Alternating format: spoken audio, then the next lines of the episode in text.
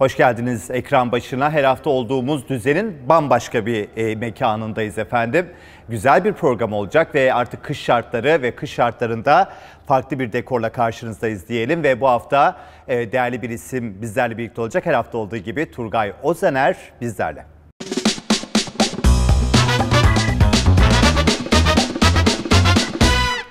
Evet Turgay Bey bizimle İstanbul Portföy yönetici ortağıyla birlikte. Turgay Bey hoş geldiniz. Hoş Nasılsınız? bulduk. İyiyim, teşekkürler. Şahane bir e, yeriniz var. Evet. Burada çekim yapmak herhalde çok zevklidir. Çok zevkli. Şimdi biz biliyorsunuz programın adı Murat Tufan ile işte Kafe Bitcoin. Daha önce hemen şu dış mekandaydık ama kış geldi. Biraz Gelince zor mekanın içerisine geldik. Şey gibi oldu yani o kafe çok tuttu. Bayağı iyi para kazandık. Daha güzelini açtık gibi oldu ama size de böyle güzel bir dekorla tekrar e, ağırlama fırsatınız oldu. Umarım beğenmişsinizdir. Çok güzel, çok keyifli, iyi de bir program olacaktır. Umarım. Ee, şöyle tabii İstanbul çok güzel. İstanbul'un her açısı, her mevsimi çok güzel.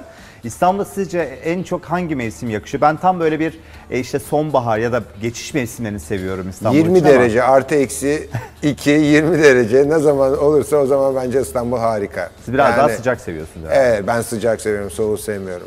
Ben böyle kasvetli olsun, işte hava yağışlı olsun. Herhalde biraz melen- melankolik birisiyim ama böyle martılar uçsun. Her şey bana böyle bir Adel müziği gibi geliyor o zaman ama bilmiyorum. Bu şu anda gayet memnunum ama kar yağınca biraz sıkıntı. Şimdi e, tabii zor bir seneydi e, Turgay Bey. Yani havada gerçekten de piyasanın havası da böyleydi 2022 senesinde. E, ya da siz böyle mi baktınız? Yani yatırımcılar bu şekilde gördü ama siz portföy yönetim şirketinde e, ortak olan birisi ya da bir fon yöneten birisi olarak böyle mi bakıyorsunuz piyasa Şimdi olaya iki türlü bakmak lazım. Geçen sene Ocak ayında biz yönetim kurulu toplantısı yaptık. Yönetim kurulu toplantısında geçen sene çok çok 2021 çok iyi bir sene geçmişti. Ben şöyle bir yorum yapmıştım. Önümüzdeki sene 2022'de bu kadar iyi karlar beklemeyin. Çok zor bir sene geçecek. Çünkü biz Ukrayna-Rusya savaşının olacağını da düşünüyorduk. Yani dünyada e, özellikle Amerika'da fiyatların çok şiştiğini hem teknolojik olarak hem de S&P'nin falan geri geleceğini düşünüyorduk. Artı bunun üstüne hem enflasyon hem de faiz arttırma olacağını düşünüyorduk. Ocak'ta biz bunu konuşurken dünya faiz arttırımını konuşmuyordu. Neyse fakat bugün geldiğimiz noktada 2022 İstanbul Portföy'ün en iyi senesi oldu. Aa süper. Ee, 10. senemiz bu sene biz şirkete aldığımızdan beri en iyi senesi oldu. Sizin de aslında alışık olmadığınız bir dönem bence yine de hani siz diyorsunuz Doğru. ki biz Türkler olarak evet enflasyon ortamında yatırım yapmaya bir şekilde alışırız ama %80 üzerinde ölçümlenemeyen ya belirsiz olan bir enflasyon bir taraftan da Merkez Bankası'nın hakikaten de sembolik öneme gelen bir gösterge faizi ki Sayın Bakan da hani, hani, hani işin acı tarafı ama maalesef hani Merkez Bankası'nın gösterge politika faizinin sembolik önemde olduğunu atıfta bulunmuş. Şimdi böyle bir ortamda yani politika faizinin tek hanenin altında olduğu, enflasyonun yüksek olduğu bir ortamda da yatırım yapma fırsatı oldu mu? Böyle bir dönem oldu mu? Yaşandı mı? Tabii ki yani şöyle özellikle şu- bu anortodoks dediğimiz ekonomik modeli şu- olayı şu şekle getirdi. Yabancıların ülkeden çıktı. Yerli yatırımcının enflasyondan dolayı kendini korumak için özellikle hisse senedi piyasasına girdiği, KKM'den dolayı doların ciddi bir baskı gördüğü, dolayısıyla dolarize olmuş ya- yatırımcının, yerli yatırımcının artık dolara gitmeyip de hisse senedine gir- girdiği, hisse senedinde fiyatlamaların çok infle olduğu, bir balon oluştuğu. E bu da- bazı hisseler Ha. çok ucuz olabilir ama gerçekten bazı hisselerde inanılmaz bir balon oluştu. Bir ortama geldik. O zaman 2000 biz bize yeteriz deyip işte mecbur sarıldık birbirimize herhalde. Evet, biz- İyi biz de para bize- varmış Türklerde Turgay Bey. Her gün Ama şimdi şöyle düşün. Çok iyi geliyor yani. Şimdi şöyle evet yüzde yüz sana katılıyorum. Şimdi ben hayatımda bu işte çalıştığım sürece bir iki kere bunu gördüm. 2000'li yıllarda aynı bu şekilde yerli yatırımcı inanılmaz bir şekilde gelmişti. Ama o zaman yabancının oranı gerçekten yüksekti. Ee, şu anda yüzde otuzların altında. Hatta ben sana şöyle söyleyeyim belki aktif yüzde beştir, yüzde altıdır. Gerçekten elinde e, bazı pozisyonları tutmak zorunda oldukları bu MSCI endeksinden dolayı işte bir sürü endeksten dolayı. Onların haricinde o kadar az e, büyük yatırımcı var ki. Niye eski- çıktılar sizce? Niye bu Çünkü yabancıları bu korkuttuk biz? hani günümüzün şu anda bir e, favori lafı var. Sürdürülebilirlik. Ya bu ekonomi modeli sürdürülebilir bir ekonomi modeli değil. Yani eskiden 2000'li yıllarda gittiğinizde veya işte 2000'li yılların sonlarında gittiğinizde Türk lirası bir değerli bir par- yani en azından değerliydi veya işte enflasyon kadar gidiyordu. Ee, dolayısıyla fakat 2018'den son 4 yılda Türk lirası o kadar de- ciddi değer kaybetti ki ve bu tamamıyla yanlış politikalardan dolayı. Yani Türk lirasının bu kadar değer kaybetmesi ne gerek yoktu ve hak etmiyordu.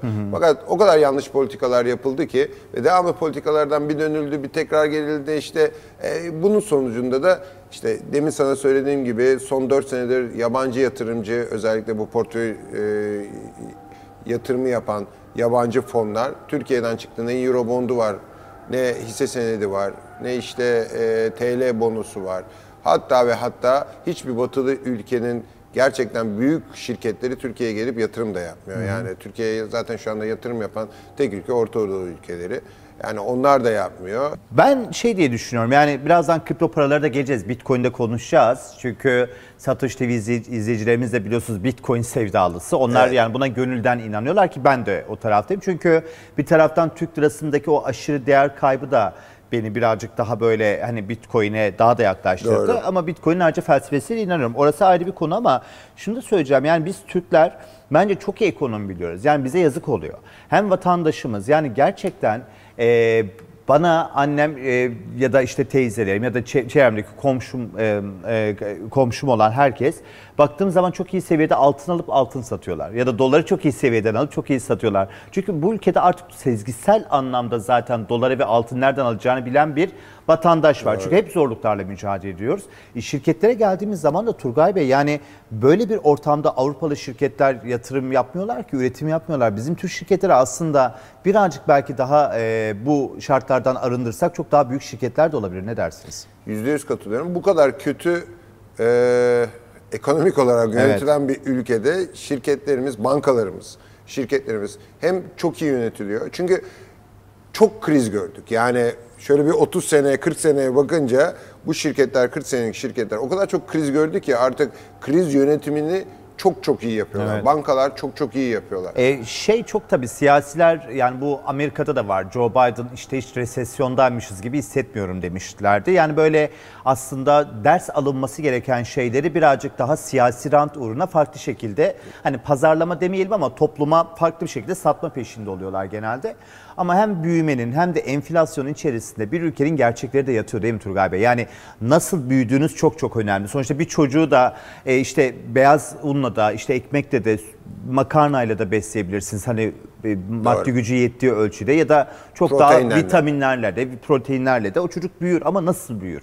Şimdi ülkeye baktığınız zaman da büyüme hikayesi bizim Türkiye evet büyüyor. İhracat yaparak mı, ihracatı ithal ederek mi, yoğun teknoloji mi, az teknoloji mi ya da işte bakınızdan katma değerli üretim mi yapıyoruz? O tam olarak aslında vatandaş bilmiyor. Siyasiler de bunun çok da bilinmesini de istemiyorlar.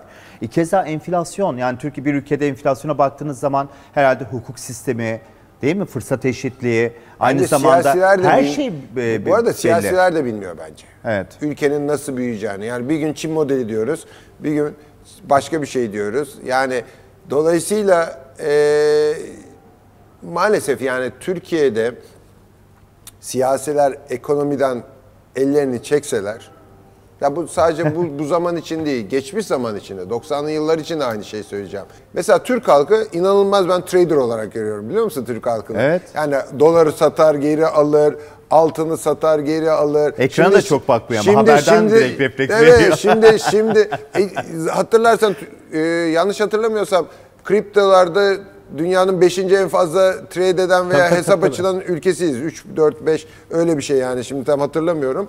Keza öyle FX'te geldi FX'te oynuyoruz. Kumar ruhumuz da var. Şimdi de hisse senedi tarafındayız. Tamam mı? Yani bu yatırımcı kesimi tabii burada iki tane bir tane de olayın acı yönü var. İnsanlar para yetmediği için ekstra bir şeyler Kazan- kazanmak evet, istiyorlar. evet, evet. Yani maaşları yetmiyor, tasarrufları yetmiyor. Dolayısıyla ekstra Herkes bir şey bu sebepli olmuyor yani. ve, ve riskli ürünlere gidiyorlar. Evet. Ee, dolayısıyla bu da e, belki yıllardır e, Türk halkını enteresan bir trader Evet. ve yatırımcı yaptı. Dolayısıyla tabii bunların hepsini bir araya koyarak siz normalde her şeyi düzgün yaparsanız ekonomi de düzgün olur, insanların gelir seviyesi de artar E, Yastık altına o dolarlar, altınlar da konulmaz. Yani aslında e, bence Turgay Bey yani bir yabancı oranının şu anda en düşük olması sebebiyle yastık altına kol- ko- konulan dolar ve altın sebebi aynı gibi. Yani Tabii sonuçta ki, o tarafta da güveni sağladığınız zaman ben sana çok basit bir şey doları söyleyeyim. altına e, bas- e, Son yastık 4 altına senedir yani hiçbir şey söylemiyorum. Rakamları sen benden daha iyi bulabilirsin belki. Son 4 senedir banka kasalarına olan talebin ne kadar arttığını bir bankacılara sorarsın bu kadar tanıdığım Evet, var. evet, evet. İnanılmaz. Banka kasası bulamıyorsun. E, siz bir güzel benzetme yapmıştınız. Ben size yaptığım yayında da hatırlıyorum. Doları Bitcoin'e, işte Euro'yu da Ethereum'a benzetmiştiniz. Ama bu benzetmenizden sonra da siz de yayından önce konuştuk. Yani ne e, Bitcoin, Bitcoin gibi oldu artık. E, yani dolara benzediği yönü oldu. Tam tersi teknoloji endeksi mi, işte konvansiyonel tarafın bir ürünü mü ya da başka bir şey mi biraz karıştı. Yani geleneksel taraf birazcık daha Bitcoin'i kendi tarafına çekmeye çalıştı. E, ne dersiniz bu dönüşüme, değişime dair? Şimdi yüzde yüz haklısın. Olayı ben şöyle bakıyorum. Ee, senden bir önceki yaptığımız programla bugünkü arasında şöyle ciddi bir değişiklik var. Yani bu Ocak ayında faiz artışıyla birlikte, dolar endeksinin kuvvetlenmesiyle birlikte, ya ben şunu beklerdim. Yani özellikle kripto paralarda ciddi bir konsolidasyon olsun ve bu kadar gerilemesini beklemiyordum. Ama öyle bir hal oldu ki Nasdaq ne kadar geri baktığında Nasdaq ne kadar gerilediyse neredeyse bütün kripto paralarda o kadar geriledi. Yani öyle bir hal aldı ki kripto paralar sanki teknoloji şirketleri gibi bir değerleme olma, oldu. Oranın O da tamponu gibi de mesela, olmuş evet, oldu Şimdi ben, yani. ben de mesela bu o ciddi bir hayal kırıklığı yarattı. Normalde onların felsefesinin çok daha farklı olması gerekiyordu. Değil mi? Başka bir şey konuşuyor. Evet başka bir şey konuşuyorduk. Ee, dolayısıyla o bence benim gibi birçok e, insanı bu işten soğuttu. Dolayısıyla bir de tabii regülasyonla ilgili ciddi sıkıntılar oldu. Yani hem Türkiye'de hem de en son işte FTX'teki ciddi problem e, bence insanları ciddi bir şekilde soğuttu. E, bir süre daha geçmesi lazım ki bence e, o Bitcoin'in, Ethereum ve ana e, kripto paraların gerçekten kendi değerini bulabilmesi ve insanların o bizim düşündüğümüz tarzda e, düşünebilmesi için ve onların da öyle hareket ede- edebilmesi için. E, güven bunalımı var. Ben çünkü ben bugün Evet. Bitcoin niye alıyorum? Ben bugün Bitcoin almamın tek bir sebebi var. O da şudur. Ben diğer dünya paralarından uzak, her, merkez bankalarının aldığı kararlarla alakası olmayan bir varlık almak istiyorum. Evet. Değil mi? Ben yani Bitcoin'in bence Sonuçta felsefesi bu. merkeziyetsizlik Mer- buydu değil mi? Şu anda merkeziyetsiz, FED'e bravo. bağlıyız, biraz Merkez, ne Merkez Bankası'na bağlayacaksın, ne dolar Evet. endeksine bağlayacaksın, Evet. ne VIX'e bağlayacaksın, ne ekonomilere bağlayacaksın. Buydu yani felsefesi buydu.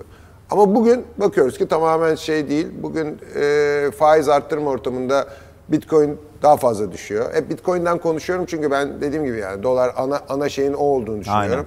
O Zaten biz de Bitcoin'e yani ya- yan veriyoruz. yan kriptoların Evet.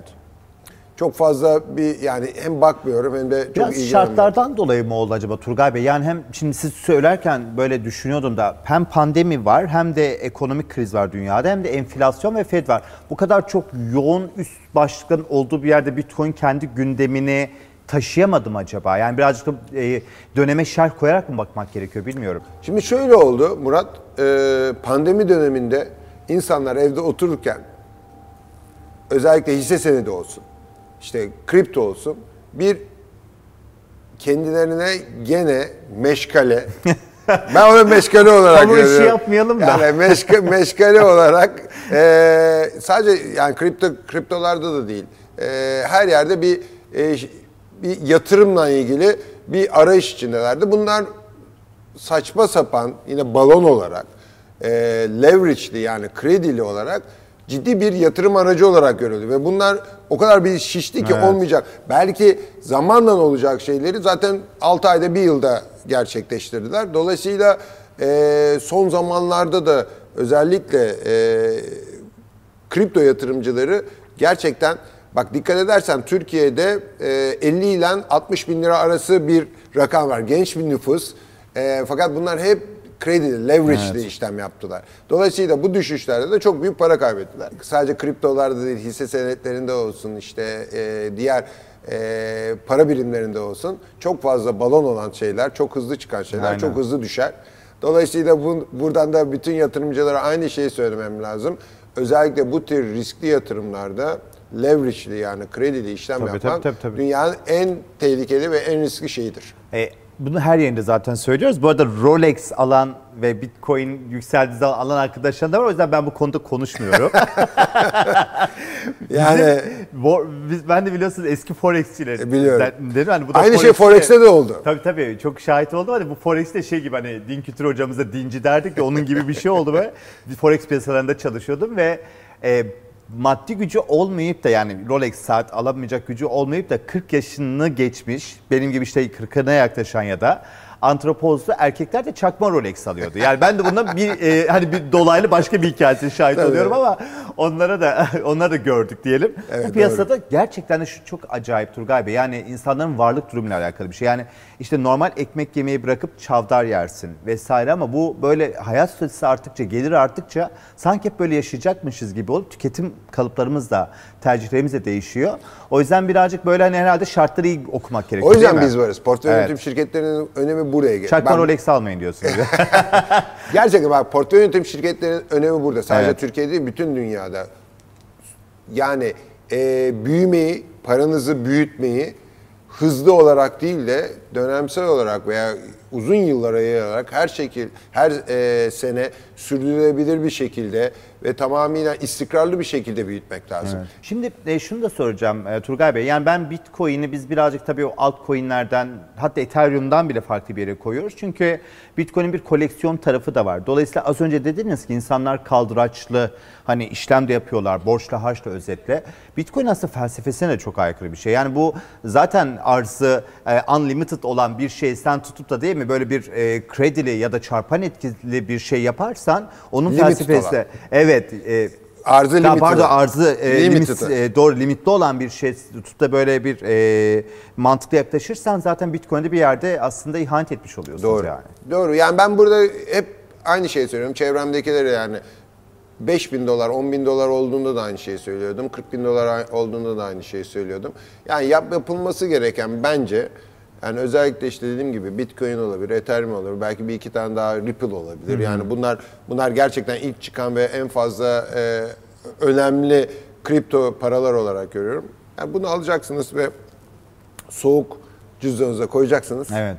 Ve 5 sene sonra atacaksınız. Yani zaten şu anda burada trade etmek bence yani belli bir paranızdan trade edersiniz ama bence hiç gerek yok.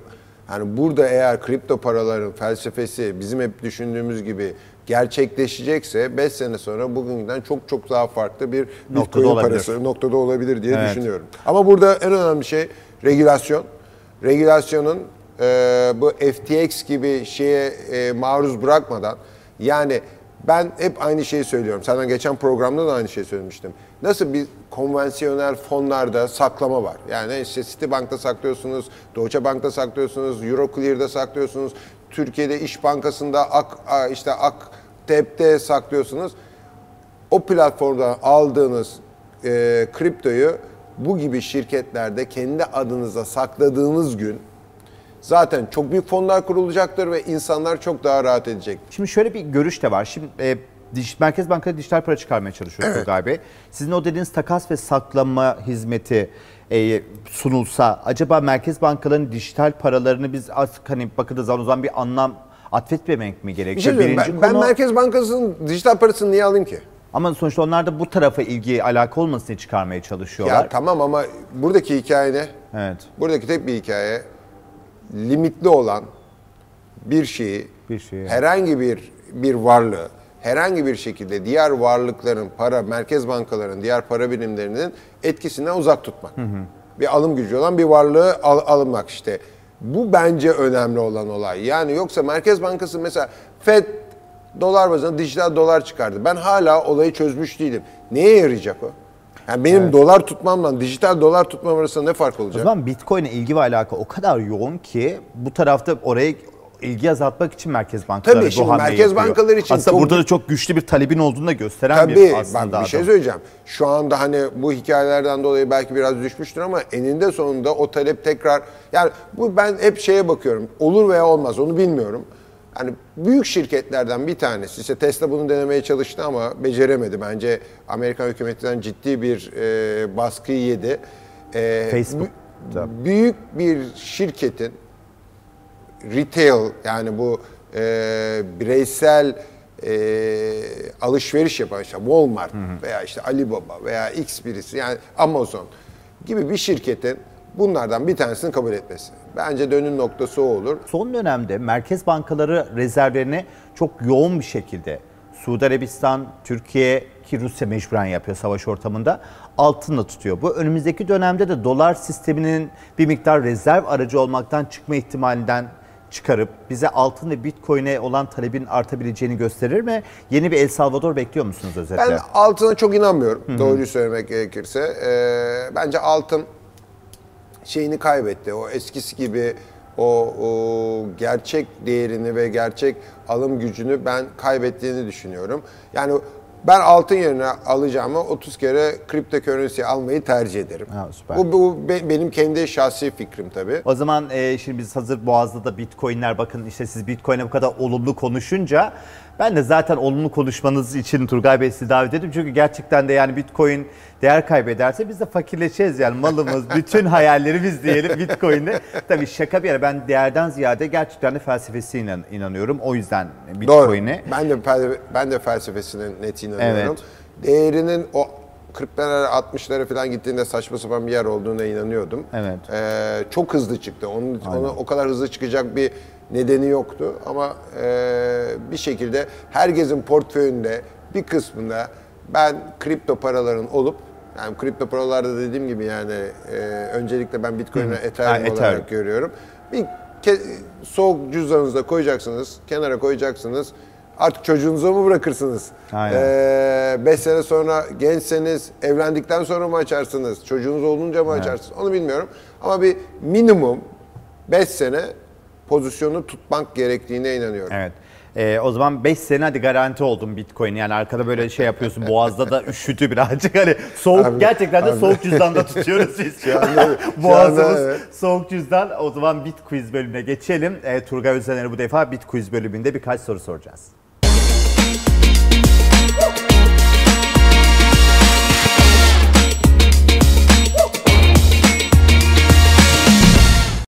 Evet Bit Quiz bölümündeyiz. Turgay Bey bu bölümde e, Bitcoin ile ilgili işte e, soru soruyoruz size. Çok açıklayıcı oldu. Te- test sorusu sor bari. Siz de ne yapıyorsunuz? dön. Cevap veriyorsunuz. Tamam hadi bakalım. Ee, A, B, C, D diye yapsaydık keşke. Işık yok yani. Bunlar ışık nasıl geliştirir bilmiyorum ama e, Bitcoin'i ilk ne zaman duydunuz? Bakın bu güzel bir soru aslında. Bunu merak ettim. 2011 veya 12. Nerede duydunuz? Yani şeyde mi böyle bir arkadaş ortamında mı, televizyonda mı? Yok yok. Ee, sonuçta bir finansçı olarak E, yani sadece doğru. Türkiye değil bütün dünyadan Evet. ilgilendiğim için Bitcoin 2011 filandı, 2012 filandı. E, bize her şey böyle Türkçe isim koymayı çok seviyoruz ya. E, Koymadıklarımızı da benzetiyoruz. Yerli Madonna gibi. hani şey, e, gerçi ona çakma Madonna diyorlar değil mi? Çakma- Öyle. Çakmamadan. Bence halt etmişler. Hande Yener her zaman için çok özgündür. Bir Hande Yener fanı olarak lütfen şu anda ben kendi kendime sıkmış oldum yani ama Madonna'yı da çok seviyoruz. Ee, Madonna Hande bir Yener- numara. Bir numara. Tabii dünyaya bu popu herhalde en güzel anlatan. Şu anda da çok üretiyor biliyorsunuz. Takip ediyor musunuz bilmiyorum Yok ama. çok takip etmiyorum. Evet eski Şa- şarkılarını gençlere yeni remixlerle DJ'ler eşliğinde e, Çok şey başarılı yapıyor. yani. Gençliğimiz ondan büyüdük. Madonna'nın şarkılarıyla büyüdük. Bir de Michael Jackson tabii. Michael Jackson evet o da çok iyi gerçekten de. Zaten onların üzerine bence şu anda Z kuşağı bir star yarattırmıyor kimseye. Hep böyle bir isimler Çok var fazla- işte Çok fazla elektronik müzikte odaklı, çok fazla DJ muhabbeti var. Gerçek sanatçılar o zamanda 90'lı Performans yılların performans sanatçıları maalesef Evet. şu anda çok çok az hatta çıkmıyor bile yani. Zaten kimse yüzünü de göstermiyor. Spotify'a bir giriyorsunuz Turgay Bey. Sanatçının isimleri X, Y, Z, V, Z falan diye geçiyor. Bilmem ne 36 telefon modeli gibi hepsi. Bir de yüzleri de gözükmüyor. Hani starlık dediğimiz şey her şeyli bir havanız olur ya böyle Michael Jackson dediniz değil mi? Şapkası, o moonwalk, Dans başka edişi. bir şey evet yani. O yüzden e, şu, anda Türkiye'de de tüm dünyada çok ciddi bir star e, sıkıntısı Ama var işte bence. sistem çıkartmıyor onu. Çıkartmıyor. Bence tamamen sistemden Evet. yoksa Ee, bu kadar teknolojinin ilerlediği, işte sosyal medyanın ilerlediği. Düşünsene Michael Jackson, Madonna veya işte David Bowie'ler e, bunların hepsi Bon Jovi'ler. sosyal medyanın olmadığı bir ortamda patladı. bizim kaset dinlemeyle Evet. Kaset dinlemeyle bu kadar ünlü olmuş ve bugün ben çok enteresan benim ke- kendi kızım 26 yaşında emin ol ki 90'lı 80'li 90'lı müziklerde çok daha fazla eğleniyor biliyor musun? Evet. Bak gerçekten çok daha fazla. Şarkıların hemen hepsini çok daha net şeylerin sözlerini biliyor. Yani şey sanatçıların bakış açısı da değişti. Albüm artık yapılmıyor biliyorsunuz. Spotify'da işte o müzik portalında iki haftada bir sıcak tutmak için işte şarkılar paylaşıyor. si- si- single çıkarıyorlar. Onlar iki buçuk dakikaya geçmemesi lazım akıda kalması için. Bir de basit altyapılar vesaire. Şimdi o dediğiniz hani bu işte sınırsız olan şey aslında burada ne kadar ciddi anlamda bir kalitesizliğe ve kötülüğe yol açtığını görmüş olduk. O yüzden Bitcoin'in arzının kısıtlı olması, Her her şey iyi. tüketememek bence bir şeylere bence e, sınırlı olması çok güzel bir şey. Çünkü her şeyi sınırsız yaşadık bu zamana kadar. Doğru. Sınırlı olması Evet. onun değerini de bence daha da arttırıyor diye Evet. düşünüyorum. yani. Bakın Bitcoin alın eminim şarkıların süresi 4,5 dakikaya çıkacak. Daha kaliteli senfonik altyapılar duyacaksınız. Belki bir Michael Jackson karizması olmayacak ama çünkü hani onun yeri de olmaz ama belki böyle starlarımız da olacak. Biraz bakış açımızı ve dünyaya da değil mi e, değiştirmek gerekiyor Turgay Bey. Şimdi bir soru daha soracağım. Nereden geldim buraya? Ben karıştım ama evet Türkçe isimlerden geldim. E, Bitcoin'e e, bir Türkçe isim koysaydınız ne koyardınız? Güzel soru. Yani Ben her şeyin orijinalinin olmasını tercih ediyorum. evet. Ee, dolayısıyla yani euro derken Türkçe avro bence çok hoş değil. Yani euro euro, dolar dolar. Ee, dolayısıyla Bitcoin'de özünde Bitcoin olduğu için ben Bitcoin olarak devam etmesini tercih ederim. Her, herhangi bir şeyde yani bugün birisi Bitcoin'e bir bundan sonra Bitcoin ismi işte şu olacak dese ben hala Bitcoin olarak Evet. ee, o ismi koyuyorum. Çok zor bir şey. Bir de bizim Bitcoin. zaten kendi aramızda bir dilimiz var ya finansça gibi böyle hani Az- İngilizce az para, gibi. Bitcoin. Değil mi? Bizim kullandığımız kelimeleri de dönüştürmek de çok zor. Yani işte CDS'e evet çeviriyoruz ülke risk primi diye ama hani her şeyde Türkçeleşmeyebilir. Ee, özellikle ben ona finansta. katılıyorum. Yani Evet. fina- finans da özellikle aynen finans da bütün dünyanın kullandığı bazı kelimeleri siz kendi Türkçe'ye çevirmeniz olmuyor. Olmuyor. Yani neyse CDS, CDS'tir Aynen. yani. Bu bu böyle CDC değildir yani. Ama DX'yi de DX, e, DX işte Y gibi de C- okumamak lazım. CDS değildir Aynen falan. ya da C, Ee, şey, Credit Default Swap. Kızınız düğün yapsa dese ki baba e, işte ya da bilmiyorum evli mi kızınız Ya, ama evet. evlendiği zaman inşallah diyelim e, bir- hiç baba bu altın altın işiyle uğraşmayalım. Hani sen de zaten modern ve finansçı bir adamsın. Bitcoin'le işte takıları toplayalım dese hoşunuza gider mi? Bence o hoşuma gider. Niye olmasın? Bence güzel bir şey Çok olabilir havalı olur değil mi? Bence de havalı olur. Aynen şey çık diye. bu teknolojiyle. Evet, teknolojiden bence güzel olabilir. Tabii fiyatına bağlı. O da Aynen. önemli. Tabii tabii inşallah şey böyle herkes bir bitcoin en az takar da fiyatı ne olursa olsun. Çok iyi, çok iyi olur o. Ben Mehmet Ali Yıldırım Türk geldi bana çeyrek bitcoin taktı çok moralim bozuldu. Gerçi 5000 dolar öyle düşününce. İyi, iyi para yani. Aynen. Turgay Bey çok teşekkür ederiz. Ben çok teşekkür ederim. Çok güzel program oldu. Harika bir ortam. Tekrar e, aynı şeyi söylemem lazım. Stüdyoların o karamsar şeyinden Evet. e, burası harika. Zaten manzara İstanbul zaten harika, şahane bir şehir. Çok güzel yer bulmuşsunuz. Kesinlikle. E, programlarınız e, çok daha keyifli olur. Bu arka arka plandaki e, manzarayla diye düşünüyorum. Kesinlikle yani bizim için de çok iyi olur. Keşke televizyondaki programı da burada yapabilsek de daha böyle keyifli sohbetler olsa. İstanbul Portföy'ün kurucu ortağı efendim Turgay Ozaner bizlerle birlikteydi ki e, son derece verimli bir program oldu. Gelecek bölümde tekrar görüşelim. Yorum yapacak mısınız? Bir de beğenecek misiniz? Beğenmemek de bir seçenek ama YouTube göstermiyor. Siz bilirsiniz.